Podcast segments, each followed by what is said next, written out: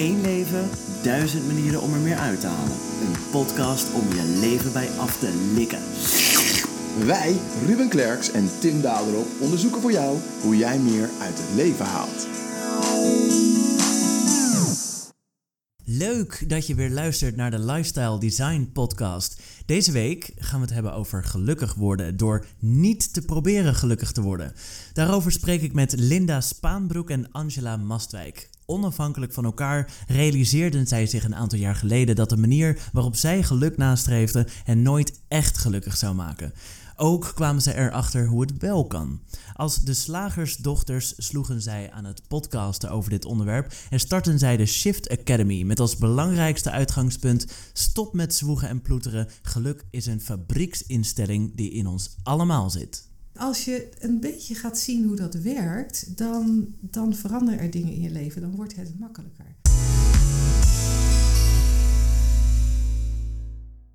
Maar voordat we beginnen, abonneer je via jouw favoriete podcastkanaal Spotify, Apple Podcasts of Stitcher op de Lifestyle Design Podcast. Dan blijf je automatisch op de hoogte van volgende afleveringen. En luister je nou op Apple Podcasts, dan worden wij enorm gelukkig als je ons een goede rating geeft. Dat helpt ons namelijk weer om de podcast bij meer mensen onder de aandacht te brengen. Ruben, ben jij gelukkig? Ja, ja, daar durf ik wel volmondig ja op te zeggen. Oké. En door. Uh, nee, maar het, is wel, het is wel toevallig eigenlijk dat je het... Nee, het is niet toevallig, we maken een podcast over geluk. Maar ik realiseer me de laatste tijd steeds vaker dat ik me gelukkig voel. Dat ik echt zo ergens zit en denk van... Voor mij is altijd het geluksmoment... Het is altijd, ik heb het heel vaak in, in, in, in de auto. Als ik ergens naartoe rijd dat ik me dan, e-, dat ik even alles op een rijtje zet, dat ik me dan realiseer van wat een goed leven ik eigenlijk heb. Ja. Hm, grappig, ja. Ik heb hetzelfde, maar dan op de fiets. Maar hetzelfde idee, dat als je even alleen bent en je bent iets uh, vrij gedachteloos aan het doen, dat je dan vaak zo'n moment hebt van, hmm, dit gaat echt lekker allemaal. Ja, ja. En, en, en wat is geluk dan volgens jou eigenlijk? Oh jezus, wat een uh, diepe, complexe vraag. Ik denk dat het ook... Um, ik weet het eigenlijk niet. Ik wilde zeggen, ik denk dat het heel persoonlijk is, maar misschien is dat wel heel universeel juist. Um, en moeilijk te definiëren. Ik uh, ben zelf altijd gefocust op dat. Uh, de manier waarop ik wil slagen in het leven, als ik het gevoel heb dat dat goed gaat, dat ik me dan ook gelukkig voel. Of als ik van betekenis ben voor de belangrijke mensen om me heen, dat ik me dan erg gelukkig voel. En ik denk dat dat voor veel mensen wel geldt. Ja, wat denk, wat denk jij? voor mij zit het heel erg in acceptatie. Dus een gevoel van acceptatie dat wat er nu is, dat dat goed is. Of dat waar ik nu ben, dat dat de juiste plek is. Of met de mensen met wie ik nu ben, dat dat de juiste mensen zijn. Uh, ik zie het ook echt wel als een momentopname. Ik geloof niet namelijk dat je een gelukkig leven leidt, maar dat je een leven met gelukkige momenten hebt. En je hebt ook momenten dat je dat je, ongelukkig voelt. En, en dat accepteren, dat, dat dat er allemaal bij hoort, dat, dat is geluk, denk ik. Hmm, well said. En, en, en welk cijfer geef je geluk nu? Oh, dat vind ik echt moeilijk dan weer om dan, als we het zeg maar vanuit een, het is best wel een abstract begrip en dan ja. er dan een cijfer voor, voor geven. Dus welk cijfer ik mijn geluk geef? Ja, maar alles moet meetbaar zijn. Alles moet meetbaar zijn. Dan zou ik zeggen 23,9. Oef. Ja, ja, ja, Op een schaal van 23 tot 24. Oh, oké, precies. Nee, ik denk, ik zou, Als, als we in de, als we voor die flauw dus. doen. Ja. ja, nou ja. Nee, toch eerder een dikke 8. Een dikke 8. Of schoolcijfers zouden okay. doen, dan zou ik een dikke 8 geven. Ja, ja. 24 gedeeld door 3 dus. Ja. en jij? Want wat, wat, wat voor cijfer zou je jouw geluk geven? Um, ik denk ook een 8 op dit moment. Ja. Een vrij stevige 8. Oh, ik, ik, nee, een hele slappe 8 juist. Omdat die 8 ook vaak wel een 9 of een 7 wordt. Of echt een 5 even. Of, of een 10 ook wel. Maar ook omdat, omdat ik dat wel weet te waarderen, uiteindelijk toch een 8 op dit moment. Ja. Oh, mooi. Ja, ja heel leuk. Um, uh, het World Happiness Report zegt ook iets uh, daarover. Want die vraagt ook gewoon aan mensen uh, welk cijfer geef jij je leven. Um, en um, rangschikt alle landen wereldwijd. Oeh. Wat denk jij dat het gelukkigste land is? Ik weet dat het een Scandinavisch land is. Maar niet, ik zou niet Ja, weten. dat klopt. Ik snap er niks van, want het is daar echt tyfus koud. Maar Finland staat op 1, Denemarken op 2, ook koud. Noorwegen ook koud op 3, IJsland op 4 en dan Nederland op 5. Ook In ieder geval, als het mensen worden gelukkig van kou, dus. Ja. Dus eigenlijk dat wij allemaal zitten te zeiken over het weer. Ja, Dat nee, dat is is juist lekker. totaal on- onterecht. Daar worden Ja. we gelukkiger van. Precies. We hebben het causale verband ontdekt. Exact. Ja, dus. Sneeuw en kou en regen. Ja, hoe kouder, hoe gelukkiger. Heel simpel. Ja. Ja. Ja, maar misschien is het toch, toch wel eh, dat, het, eh, dat, dat, eh, dat je dan eerder blij bent en gelukkig met een goede jas. Ja, of, of een potje ganzenborden. Lekker binnen zitten terwijl het buiten koud, guur en donker is. Ja. Ja, ja, Zwitserland en Zweden staan op 6 en 7. Dus eh, ja.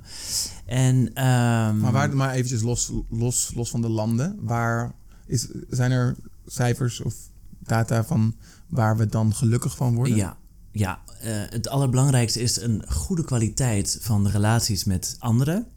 Een baan of een tijdsbesteding waar je blij van wordt.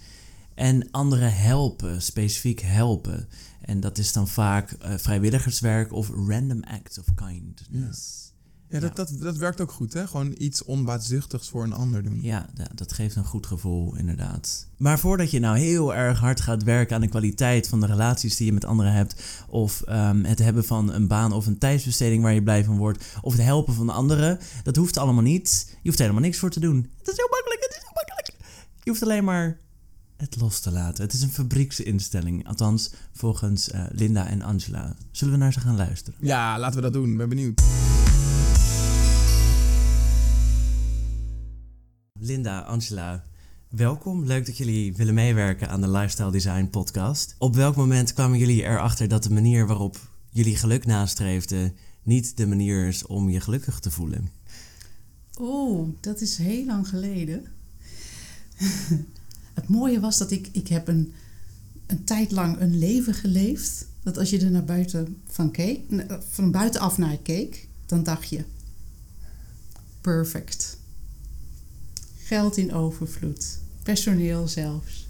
Op een tropische locatie. Een Zo. gezond kind. Waar? Welke tropische locatie? Singapore. Oh, Oké, oh wauw.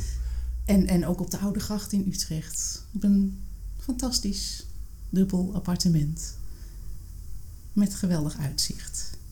Een gezond kind. Een aardige man. Luxe reizen. Luxe reizen. Een, al een, vroeg een carrière achter de rug. En ehm, ik merkte dat ik soms gelukkig was en soms ook niet. Zoals de meeste mensen. Zoals de meeste mensen. Alleen omdat ik alles zo perfect voor elkaar had, was dat toch de aanleiding om te denken: maar wacht even. Ja. Waarom ben ik niet altijd gelukkig? Ja, Mhm. ik begon een spirituele zoektocht. Dat was leuk. Valt een hoop in te ontdekken en eindeloos ook weer eh, te streven. Maar dan naar spirituele doelen in plaats van materiële. Ja. Zelfde kunstje uiteindelijk. Ik ontdekte dat het daar ook niet in zat. En toen kwam ik drie, de drie principes tegen. Een beschrijving van hoe het leven werkelijk in elkaar zit. Niet zoals we denken dat het in elkaar zit. En toen viel alles eigenlijk zo wel op zijn plek. En die drie principes, die kwam je tegen? Ja. Eh, vertel. Ik stuitte op een filmpje online waarin iemand daarover sprak. En het Mhm. mooie van die drie principes was dat er geen enkele opdracht in zat, geen enkele methode inhield. Mhm. Dus heel makkelijk. Ja, Nou, heel makkelijk. Vertel dan maar wat die drie principes zijn. Ik, denk- ik denk dat dat veel te vroeg is in de podcast. Nou, dat is nog te vroeg. Ja, Ja. Want, want dan gaan we, gaan we inderdaad een, een drie termen noemen waarvan iedereen denkt, ja, maar wat is dit dan en wat is dat dan? En dan raken we in een soort theoretisch geklets verzeild, waar Ja. niemand er iets aan heeft. Oké, nou als Nee, niemand daar ik- iets aan heeft, dan eh, laten we dan... eh, eh, vertel vertel Ja. maar gewoon verder nou, dan. nou, wat, wat, ik, wat ik leuk zou vinden om ook even te vertellen hoe ik, hoe ik ertoe gekomen ben. Want dat, wij zijn wel op hetzelfde punt uitgekomen, maar net op een wat andere manier. ja. Ik ben, ik ben in mijn leven, ik heb eh, veel eh, ongelukken gehad. ehm, waardoor ik veel lichamelijke pijn had. Ik heb 25 jaar chronisch pijn gehad. Ehm, en ik, ik had best wel last van psychische dingen. Burn-out gehad, eh, twee keer depressief geweest. Ehm, dus, dus allemaal van die, van die zware toestanden waar dan therapie voor eh, nodig was. Dus waar zij de spirituele route bewandelde, eh, bewandelde ik de therapeutische route. En op enig moment was ik wel zo ver dat het eigenlijk best aardig met me ging. Weet je, ik, het leek ook alsof het goed ging. En ik had een marketingbedrijf. Ik was een van de eerste mensen die in Nederland met online marketing aan de slag ging. En, en bouwde daar een bedrijf in op. eh, Won een award, FZ-onderneemster of onderneemster van het jaar. En het, het was, zag er allemaal hartstikke goed uit. Ik verdiende veel geld. eh, dus succesvol. Ah. Mhm. En ehm, op een dag, eh, vo- oh ja, dan moet ik er ook bij zeggen. Ik dacht dat de Hoek mijn leven had ingericht. Hè, met die handige marketing en die handige online tools. En eh, leuk online dingen verkopen, passief inkomen. Ik dacht echt dat, dat, eh, dat ik een heel makkelijk leven had. En het zag er aan de buitenkant ook ontspannen uit. En ik vertelde dat ook aan iedereen. En ik geloofde dat zelf ook heel erg. Dat ik echt een heel ontspannen leven had. Ik zat eigenlijk meer op terrassen dan dat ik aan het werk was. Dat klinkt ik. goed. Ja, het klinkt hartstikke goed. En toen was er een dag dat ik mijzelf terugvond in een ambulance die met gillende sirenes naar het ziekenhuis reed. Want Linda had een hartinfarct, dachten ze. En ehm, ik ben in het ziekenhuis aangekomen. Er is een hartkatheterisatie gedaan. Het was geen hartinfarct, dus dachten ze dat het een longembolie was. Ik kon op een gegeven moment niet meer praten door de spanning. Dus dachten ze dat het een herseninfarct was. Dus ik ben in een, in een eh, dagdeel ben ik helemaal door de molen gegaan eh, qua infarcten die je kunt hebben. Mhm. En de eindconclusie was: mevrouw Spaanbroek, u heeft hyperventilatie. En toen dacht ik: what the fuck? Ik weet niet of dat woord gebruikt mag worden in jouw Zeker. podcast. What the fuck? Ik, ik, ik heb zo'n ontspannen leven. Ik heb op een andere manier dan Angela het ook voor elkaar. Ik ben succesvol. En ik dacht altijd dat dat was. Weet je wel, wat de, wat de, wat de, eh, de, de bevrediging zou geven in het leven. En, eh, en nu lig ik hier eh, en zeggen ze tegen me dat ik hyperventilatie heb. Dus dat was voor mij een reden om open te staan voor... hey, wat ik altijd gedacht heb, klopt niet. Mhm. De manier waarop ik tot nu toe geluk en succes heb nagestreefd, klopt niet. En nog even terug naar wat is hyperventilatie dan eigenlijk? Of wat, wat gaf dat voor jou aan? Nou, voor mij was het een teken dat ik dus blijkbaar stress had, terwijl ik dacht dat ik ontspannen was. Ja, Dat vond ik fascinerend. Eh, ik zit altijd op het terras. Wat gebeurt er dan? Hoe, hoe kan het dan dat ik een stressgerelateerde ziekte heb? en waarom was je daar dan zo van overtuigd? Dat ik ontspannen was? Nou, toen je te horen kreeg, je hebt hy- hyperventilatie, waarom dan de conclusie, dan was ik blijkbaar al die tijd toch heel gespannen. Omdat je alleen maar hyperventilatie krijgt als je stress hebt. Al langere tijd. Ja, nou dan kan je natuurlijk ook zeggen, ja, je krijgt het door verkeerde ademhaling, maar je krijgt verkeerde ademhaling doordat je gestrester bent. bent, dan, je, dan, Ja. dan je misschien Ja. in de gaten hebt. Ja, dus je hebt al die tijd op de terrassen in, in, in spanning gezeten. Nou ja, en dat, en dat, is, dat is het interessante. En dat is denk ik, dat is ook waarom ik het graag wilde vertellen. Omdat dat misschien een makkelijker bruggetje is naar wat wij samen ontdekt hebben. Niet, niet tegelijkertijd, maar wat wij allebei ontdekt hebben. Want ik kwam via een andere weg in contact met die drie principes. En door daar inzicht in te krijgen, bleek er heel veel weg te vallen. Toen viel me ineens op. Oh, het is dus mogelijk om gewoon makkelijk in te slapen. Oh, het, het is dus mogelijk om gewoon een nacht door te slapen. Mhm. Oh, het is dus mogelijk om gewoon eens niet aan je werk te denken. En, en het bleek dat ik, of tenminste zo zag ik het achteraf, dat ik eigenlijk voortdurend in mijn hoofd bezig was met mijn werk. En dat de dingen die ik wilde, ontspannen zijn, succesvol zijn, andere mensen helpen, eh, om datzelfde te bereiken, dat dat eigenlijk allemaal te maken had met angst. In mijn geval angst, onzekerheid. Het Angst om het van- niet te zijn. Nee, veel algemener. Veel Mhm. algemener. Een veel algemenere angst en een veel algemener gevoel van onveiligheid. Wat ik niet herkende als, zoda- als zodanig. Ja. Het feit dat ik wakker lag over... oh, gaat deze promotie wel goed? Of dat ik hele dagen bezig was met denken eh, eh, over... ja, is er wel voldoende geld? Wat als deze training niet X, Y, Z oplevert? ja. Dat kan soort ik- angst bedoel je dus.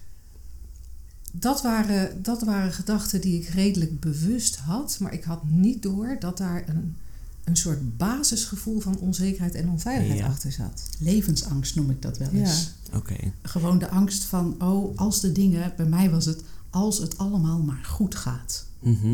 Ja, want je kan alles voor elkaar hebben, maar ja, dat, is, dat houdt ook weer een gevaar in. Dan kan je ook kwijtraken. Ja. Dingen in de buitenwereld. Een kind kan ziek raken, een man kan weglopen, Ja. geld kan op een bepaalde manier Precies. belegd in Dus je bent eigenlijk opgaan. bang voor alles dan. Ja, en zonder dat we dat weten, hè? Zonder maar- dat we dat weten. Mij is, is vroeger altijd verteld, en blijkbaar heb ik dat geloofd. Ja, Angela, jij leeft wel zo makkelijk. Maar wacht maar. Ja, die is leuk, hè? Wat naar. Nou, nee, het, was, het werd vrij luchtig verteld. Want ik vlieren fluiten nogal door het leven, blijkbaar toen ik jong was. En zussen en moeders dachten dan... Ja, nee, maar jij denkt dat het makkelijk is. Maar wacht maar tot je... Nou, noem het riedeltje maar op. Tot je naar de middelbare school gaat. Ja. Tot je studeert. Tot je een serieuze baan hebt. Tot je een kind hebt. Tot je getrouwd bent. Tot je je baan... Weet ik veel. Nou, en het intrigerende is dat, voor zover ik het op dit moment kan zien, vrijwel iedereen dat op een bepaalde manier doet. Ja. We, we, we denken dat als we het goede huwelijk hebben, dat we gelukkig zijn. We Mhm. denken dat als ons carrière een bepaalde kant op gaat, dat we ons goed voelen. We denken dat als we een bijdrage leveren aan de maatschappij, whatever that may be, hè, en op welke manier dan ook. Maar we denken dat we dingen moeten doen om, ja, om dat geluk, wat Ja. wij dan eigenlijk liever omschrijven als een gevoel van absoluut welzijn, Ja. oké zijn. De Engelsen gebruiken het woord contentment. Dat vind ik ook altijd. Tevredenheid is in het Nederlands natuurlijk een beetje een suf woord. Ja, Want dat, dat klinkt dan alsof als je tevreden bent. Ja, dat dan je is het stopt. prima. ja, Eh, dat je gaat stopt niet met dieper, alles. precies. Ja. Maar samenvattend dus eh, de opvatting dat als alles goed gaat, dat je dan pas gelukkig bent. Of, ja. Ja. of dat er specifieke dingen moeten, moeten zijn. Hè? Want Oh, dat, dat om, is om, ook... om een voorbeeld van een van onze klanten. En ik weet niet of ik nu het gras voor jouw voeten vandaan maai, Angela. Maar een voorbeeld van een van onze klanten. Die had eigenlijk eh, het allemaal zo'n beetje eh, ook geregeld. Hè? Weet je, die, die had een leuk gezin en ze had een leuk bedrijf. En dat was allemaal prima. Daar dacht ze ook nooit over na. Maar er was wel één ding wat ontbrak aan haar geluk. En dat had ze eigenlijk niet zo in de gaten. Totdat ze met ons in gesprek ging. Maar, maar toen ze met ons in gesprek was tijdens een driedaagse, toen realiseerde ze zich: Jemig, ik ben echt bijna 24 uur per dag aan het nadenken over de omvang van mijn kont. Over ben ik niet te zwaar? Past deze broek wel? Hoe moet ik staan om ervoor te zorgen dat andere mensen een, eh, die, die dikke billen niet zien? Nou, neem van ons aan, er was helemaal niks mis met die billen. Mhm. Maar dat was waar zij haar focus op had. Dus dat, door de focus op dat ene ding was er toch steeds die onvrede. En was er, was er ook een soort uitlaatklep voor die levensangst. Want die, die focuste zich op, op gewicht, waar dat in feite niet uitmaakt. En iemand anders doet dat door, nou ja, ik deed dat door geld. En als je kinderen maar gelukkig zijn. Ik noem maar Mhm. even een gemeen Ja, ja, plaats, ja, hè. ja, We ja. denken allemaal van... Ik kan alleen maar gelukkig zijn als... En dat gaat van, Ja. van wat je misschien een, een triviaal onderwerp... als de omvang van een achterwerk zou kunnen noemen... tot, tot de dingen als... Ja, maar ik moet wel onderdak hebben. Ja, dus je stelt voorwaarden aan je eigen geluk Ja, en daarin zit het probleem. Je denkt, dat, je denkt inderdaad dat je geluk afhangt van iets buiten je. Ja. Dat is, dat is het Ja. eigenlijk. ja. En buiten je, dan, dan hebben we het ook over karaktereigenschappen. Ja. ja, als ik nou maar minder bang ben, of als ik nou maar minder verlegen ben, of als ik nou maar socialer zou zijn, of als ik nou maar introverter zou zijn. Mhm. Of ondernemender of, of meer lef had, Ja. dan... Buiten je, je zou natuurlijk zeggen als het over karaktereigenschappen gaat, dat het niet buiten je afspeelt, maar binnen je. Maar ik denk dat je daarmee bedoelt dat het nog buiten een soort kerngevoel zich afspeelt. Komen we daarmee uit op de. Ik ben. Ik word nou wel echt heel erg benieuwd en een beetje ongeduldig, die drie principes. zeg het nou. Ja, nou die drie principes zijn alleen een beschrijving hoe elke ervaring Mhm. tot stand komt. En daar hoef je dus verder niets mee. Maar ook eh, dus de ervaringen buiten je. Dus de ervaring van is mijn kind wel gelukkig? Heb ik wel voldoende geld? Maar ook Ja. van de ervaring van bijvoorbeeld verlegenheid. Mhm. Vertel. Die drie principes die, die, die vertellen alleen maar, nou, er is, een, er is een, een bron van iets, een oneindige intelligentie. Wij noemen het heel nuchter op zijn slagersdochters universele levensenergie. Ja. En daarin vindt denken plaats. Is dat, dit klinkt erg eh, spiritueel dan wel Hmm. religieus. Nou, Heb je kijk het maar over eens- God? Maar dan ben je Nou. iets te ongeduldig. Dat, Oké, dat, dat kan heel goed kloppen. Ja. Kijk even naar die plant achter je. Die groeit gewoon. Daar zit Mhm. energie in, daar zit een kracht achter. Dat. Ja. Noem het zoals je wil.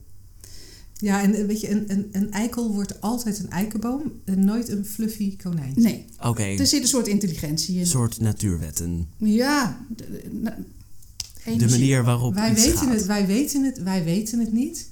En niemand weet het wat, het, wat het precies is. We kunnen het waarnemen. We kunnen waarnemen dat die bomen strakjes in de herfst hun blaadjes gaan laten vallen.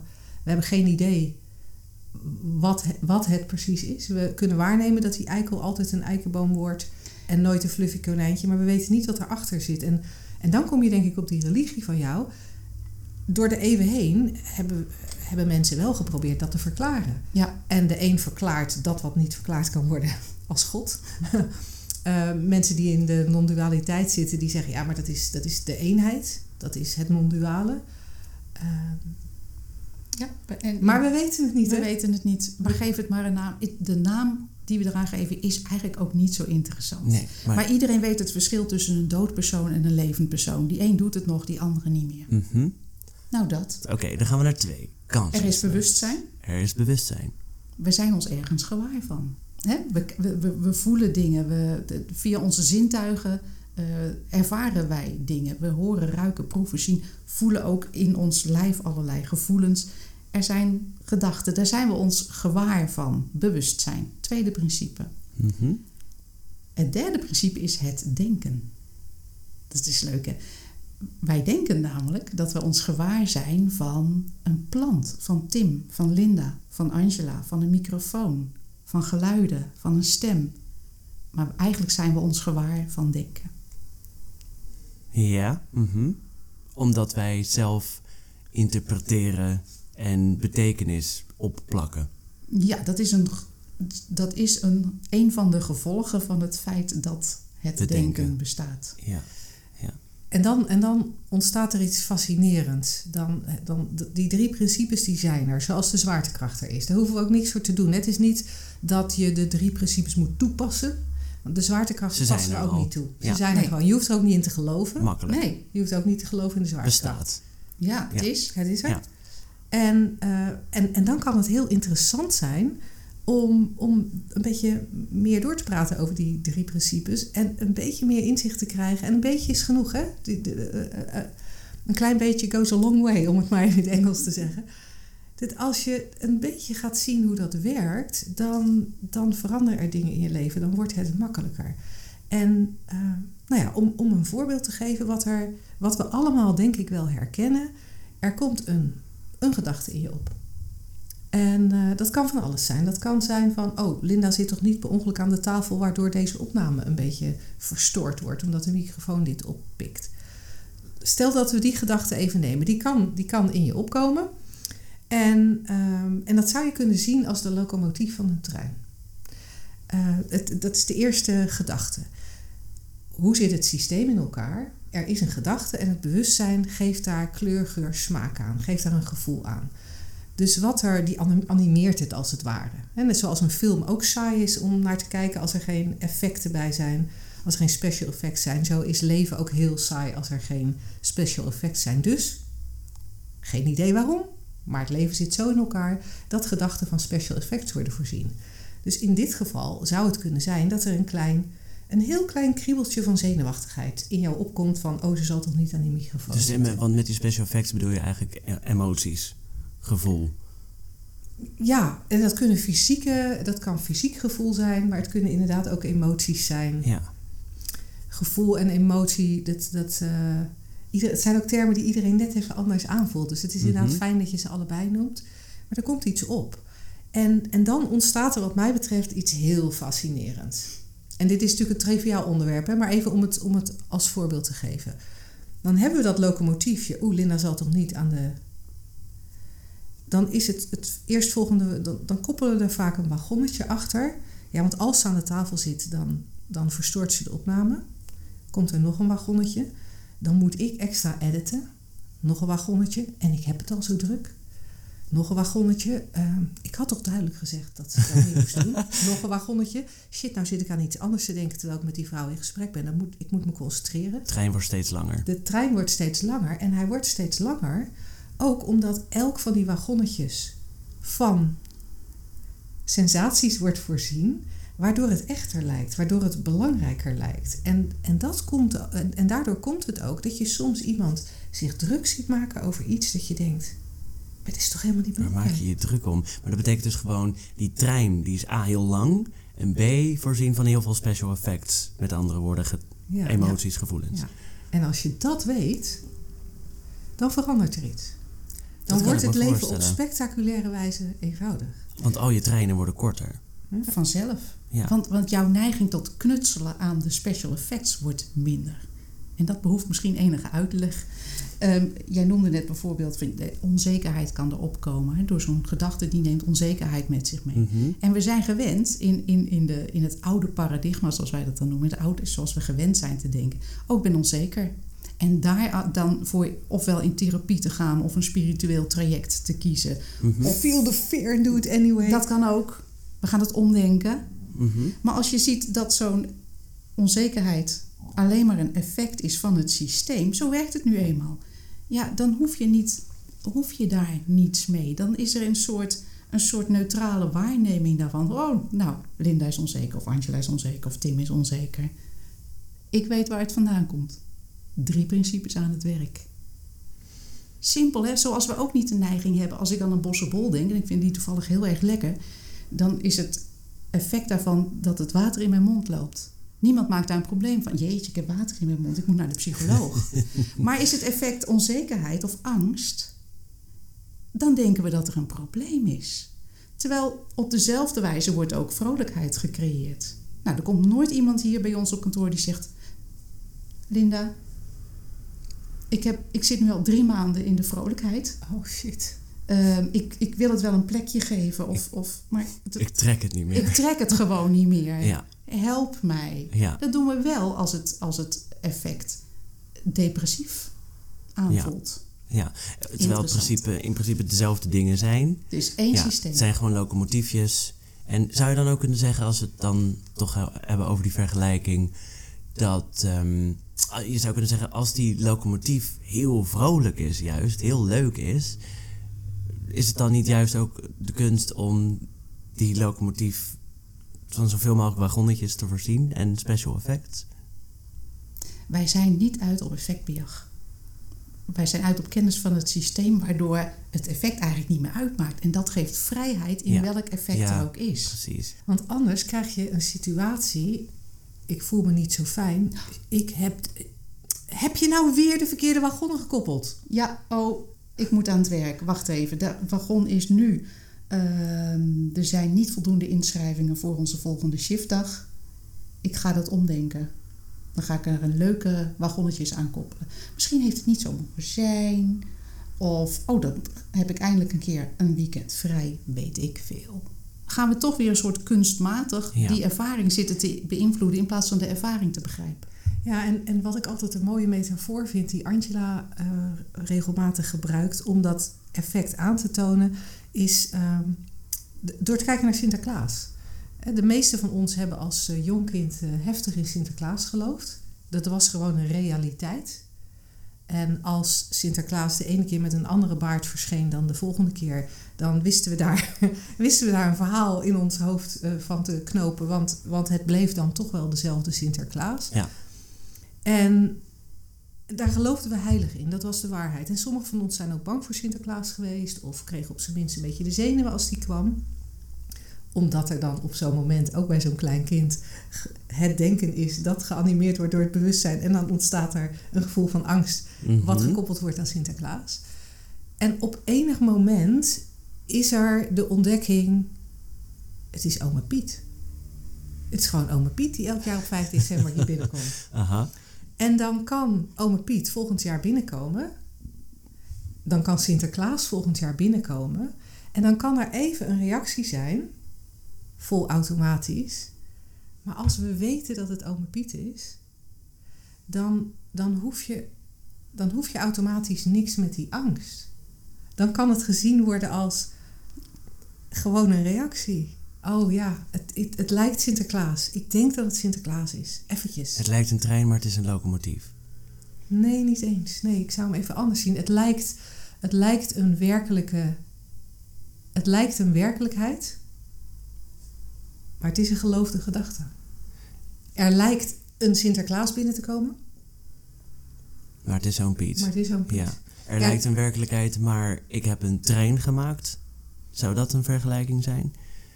Ik heb er allerlei wagonnetjes aangekoppeld met allerlei special effects. En daardoor Ja. lijkt het een werkelijkheid. Nou, wij vinden het nooit zo leuk om jou daar verantwoordelijk voor te maken. Nee. Nee, dat hoeft ook niet. maar je- of- klopt, of klopt, om- die, klopt die vergelijking met andere woorden? Want dan is het verhaal goed te volgen ook. Er is nu een gedachtentrein aan het rijden. Precies. Oké, Dat is het ja. eigenlijk. Ja, en als Ja. je gaat zeggen, dat is het. Dat is mooi dat je dat zo zegt. Er rijdt een gedachtentrein. Ja. Terwijl als we gaan zeggen, ik koppel nu te veel wagonnen, ja. dan geef je jezelf een verantwoordelijkheid die er eigenlijk Schuld niet is. zelfs. Ja. Schuld, ja. Ja. Nee, er rijdt een gedachtentrein. Oh, nou ja, en oh, er rijdt een gedachtentrein is hetzelfde als oh, het is eigenlijk ome Piet.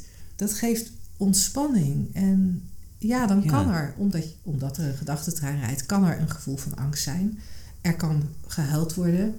Er kan boos gereageerd worden. En het is altijd alleen maar de gedachtentrein. Oké, kan ik me voorstellen. is inderdaad heel bevrijdend. Dan nog even terug naar het voorbeeld dat jij net noemde. Vond ik interessant. Ehm, waarin de gedachtentrein was... ehm, oh jee, hebben we wel genoeg inschrijvers voor de volgende shiftdag? Ehm, daarbij kan ik me voorstellen dat als je redeneert... Het is maar een gedachtentrein, laat het lekker los. Heerlijk, die vrijheid, je maakt je er niet meer druk om.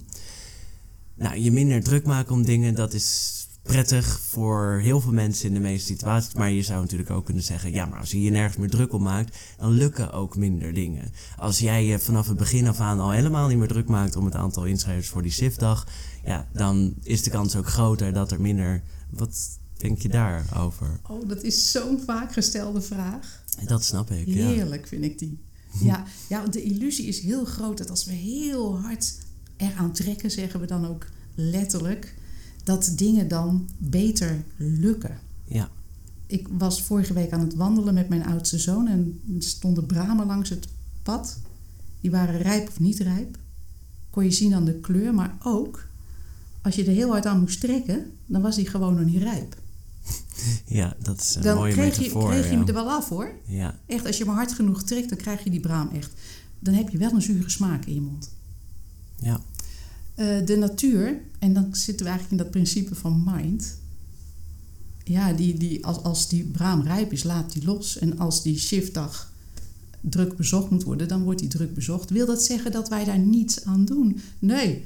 Nee, in alle ontspannenheid en helderheid. Want dit levert eigenlijk, dit inzicht in die drie principes, in hoe het leven echt werkt, levert heel veel helderheid op. En in helderheid kan je zeggen, oh, zullen we nog even een paar mailtjes sturen? Ja, laten Ja. we dat doen. Dus dan kan je eigenlijk nog veel harder trekken. Maar het resultaat, Nou ja. nee, want het resultaat maakt niet uit. Het resultaat is, want ons welzijn hangt nergens vanaf. Wij zijn oké of die vol zit, niet, eh, eh, niet gaat plaatsvinden, of dat we met twee mensen zitten. En hoe kan het dan dat je toch heel gelukkig bent als die shiftdag heel druk wordt bezocht? Dan maakt het toch uit? Ja, maar dan ga je ervan uit dat wij gelukkiger zijn als de shiftdag druk bezocht is dan wanneer die niet druk bezocht Mhm. is. En daar, daar zit voor mij een heel interessant verschil eh, als ik naar mezelf kijk met inzicht in de drie principes en zonder inzicht in de drie principes. Eh, in de tijd dat ik mijn vorige bedrijf nog had, ehm, was het inderdaad zo dat het heel belangrijk was dat er voldoende inschrijvingen waren voor iets. En wat dan voldoende was, ehm, dat had ik zelf bedacht. Dat had ik uit mijn Ja. duim gezogen. Ja. Eh, en, en dat was dan vaak eh 90, 100 mensen tijdens een event. Ja, gebaseerd op geld waarschijnlijk. Ja, en daar komt een hele interessante.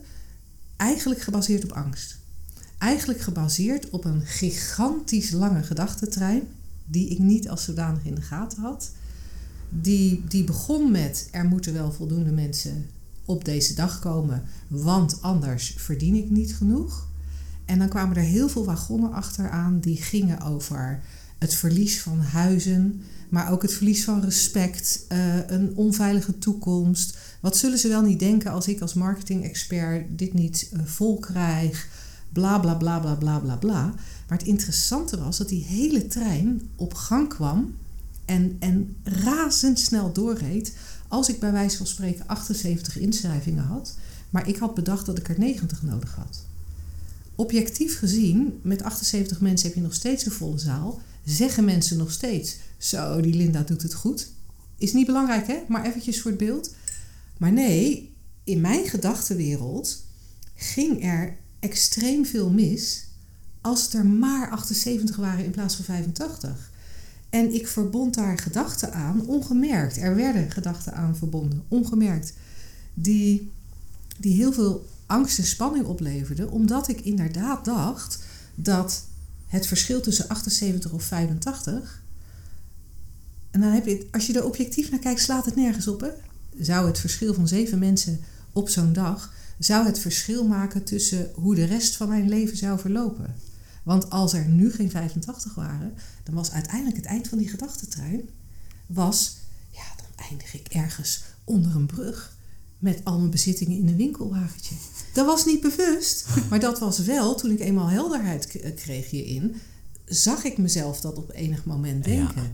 En het, in, het fascinerende is, als je weet dat je altijd, want dat is, dat is een van de onderliggende dingen bij die drie principes, dat als je daar meer inzicht in gaat krijgen, dat je gaat herkennen, ik heb het geluk, het welzijn, de tevredenheid, het gevoel van thuis, het gevoel van absoluut oké zijn, waar ik naar streef via van alles en nog wat.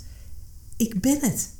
In elk moment ben ik het. En de enige reden waarom ik dat niet ervaar, is omdat ik geloof in die gedachtentrein. omdat ik denk dat er iets van buiten mij nodig is om dat gevoel te hebben. Maar die gedachtentrein, het enige wat hij eigenlijk doet, is het zicht belemmeren op dat wat er al is. Ja. Op, de, op de, de pure liefde, het pure welzijn in je. En als je dat één keer gezien hebt. Ja. Dan, zit je nog, dan, dan is er nog wel eens een gedachtentrein. Maar je weet ook dat, dat elke gedachtentrein eindigt ergens op niet goed genoeg centraal. Of ik mag er niet zijn, west. West, ja. Precies, ja. Heel mooi uitgelegd. Uh, ook met een heel mooi voorbeeld. Um, ik zie hier ook zeker de waarde van in. Dank je, daar, dank je wel daarvoor. Um, ik wilde nog als laatste de vraag stellen. Tot, tot nu toe, of tot het moment dat je besluit om hiermee aan de slag te gaan, of om op zijn minst um, nou, eens wat vaker aan die trein te denken, omdat die trein je de vrijheid geeft, omdat, omdat die trein dan verdwijnt. Um, hoe kun je jezelf erin trainen dat vaker te doen of vaker vanuit dat inzicht naar om je heen te kijken. Want nou, je doet uh, al 40 jaar of 60 jaar of 80 jaar of 10 jaar of in ieder geval lang ben je niet gewend om zo te kijken.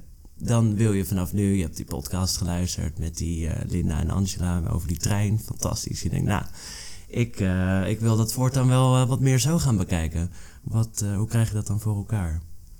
ja, het, het, het, grappige is dat het eigenlijk vanzelf gaat. Als je steeds maar blijft kijken van hoe werkt dat systeem nu eigenlijk, dan raak je al minder verstrikt in, in wat er zich lijkt af te spelen. En, mhm. en neem je minder serieus wat er zich afspeelt qua gevoelens en, en ook gebeurtenissen. Dus eigenlijk zou je een post-it moeten plakken boven uh, bijvoorbeeld je, de, je monitor of boven je bed of, of boven de wc. In ieder geval een plek waar je vaak naar kijkt om jezelf er even aan te herinneren dat het zo is. Want als je er even aan denkt, of hoe vaak je eraan denkt, hoe beter je erin staat bent om. Nee, dat is weer een andere gedachtentrein. Dit is eigenlijk wat je. Dit is van nature. Kijk maar naar een, een tweejarige die een zandkasteel bouwt, die is niet bezig met, nou, als het maar een beetje een mooi zandkasteel wordt en weet ik veel. Die heeft al, die, die gelooft al die gedachtentreinen niet. Die, dat, mhm. dat brein doet dat nog niet. En eigenlijk is, is wat wij geluk noemen, wat Linda net zo'n mooi rijtje opnoemde van al die, al die ja, dat, onderliggende, de onderliggende ehm, liefde van alles, beetje, een beetje een jeukwoord misschien, dat is er gewoon. Maar het is heel fijn dat dat er al is. Ja. Maar als je als een soort NS-junk door het leven gaat met al die treinen, dan wil je toch op een of andere manier snappen. Ja, ja. Hoe kom ik daarvan af dat ik dat toch dat steeds snap doe? ik. En dat snap ik. En ik, en ik snap ook de.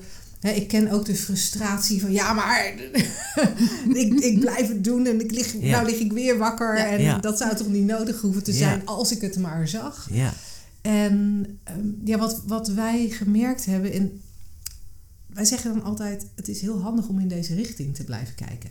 Want zeg maar echt bewust iets doen of jezelf een nieuw regime opleggen. ja, dat, dat, dat, dat kan wel en dat lukt misschien wel een beetje, maar het blijft allemaal zo analytisch. En wat wij merken, dat het veel behulpzamer is om, nou ja, om bijvoorbeeld naar onze podcast te luisteren, waarin wij elke week het hierover hebben. En dan hoef je verder niks te doen, dan een beetje luisteren, het een beetje over je heen te laten komen.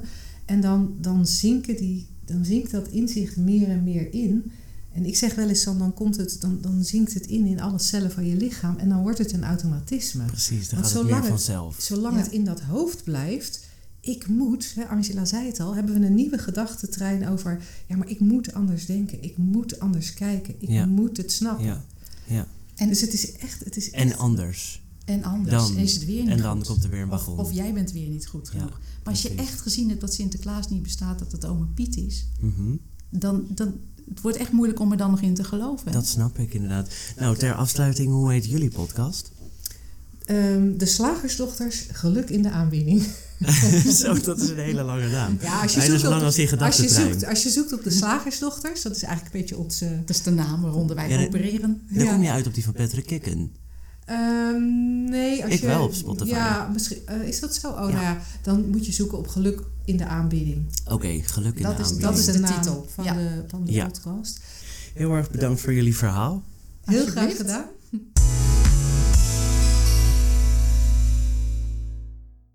Vond je dit een toffe aflevering? Vergeet dan niet op follow te klikken. Gewoon hier op het kanaal waarop je nu luistert. Heb je een vraag of wil je iets met ons delen?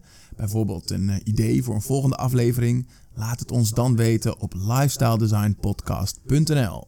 Volgende week gaan we het hebben over stoppen met social media en de gevolgen daarvan. Ja, dan spreek ik met Marlinde van Hedel. Zij is ondernemer en stopte een aantal jaar geleden helemaal met WhatsApp. Tot volgende week! Tot volgende week!